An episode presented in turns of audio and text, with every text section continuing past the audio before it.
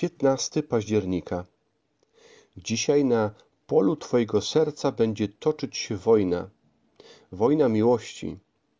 Czy zawodnie Tobą miłość do Boga, czy do kogoś innego? Łatwo jest udzielić poprawnej duchowej odpowiedzi na zadane powyżej pytanie. Bez wątpienia moje serce znajdzie się pod kontrolą Bożej miłości ponad wszystko inne. Problem polega na tym, że na poziomie codziennego życia w naszych sercach ciągle toczy się wojna o miłość. Naprawdę się gubimy.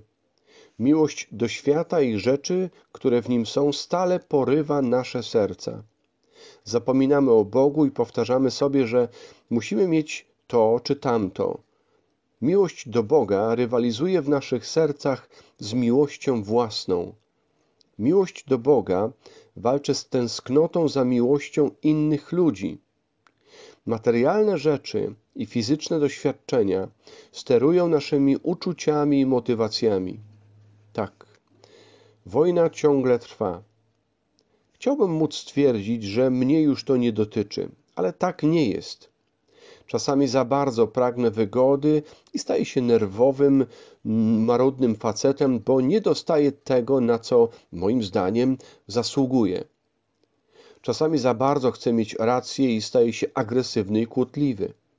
Czasami za bardzo zależy mi na szacunku i miłości innych i pozwalam wtedy, by ich opinie o mnie zbytnio mną kierowały. Czasami chcę jakiejś rzeczy i czuję ten brak tak bardzo, że sprężam się cały, by to zdobyć. Czasami za bardzo chcę przejąć kontrolę i zamiast służyć, zaczynam wymagać. Czasami za bardzo cenię sobie osobiste przyjemności i poświęcam na nie zdecydowanie za dużo czasu.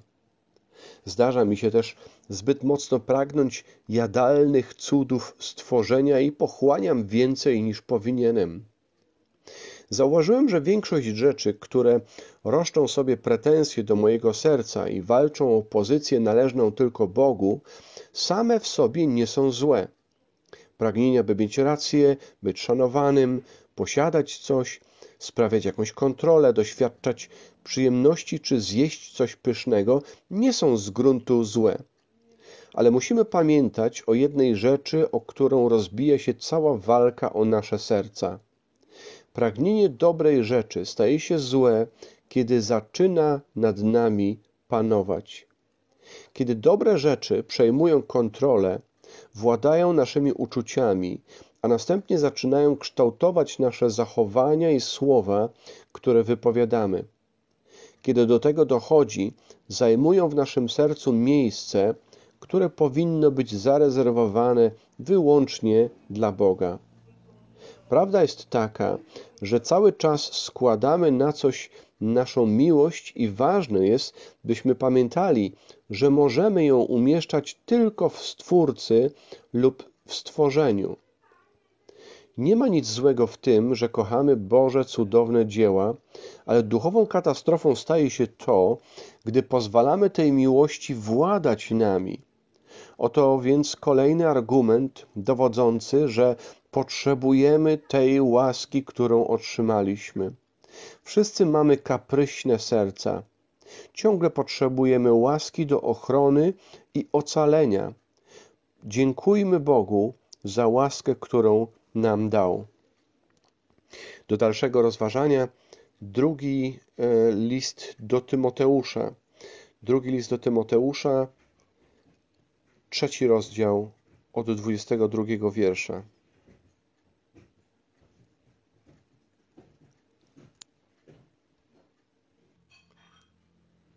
Jednak drugi rozdział, drugi Tymoteusza, drugi rozdział od 22 wiersza.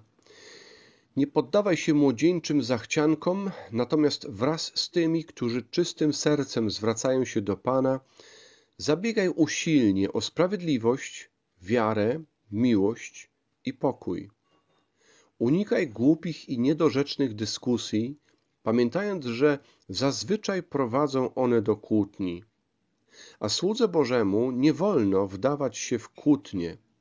Powinien być łagodny dla wszystkich, gotowy do udzielania spokojnych pouczeń, powinien być zawsze zrównoważony.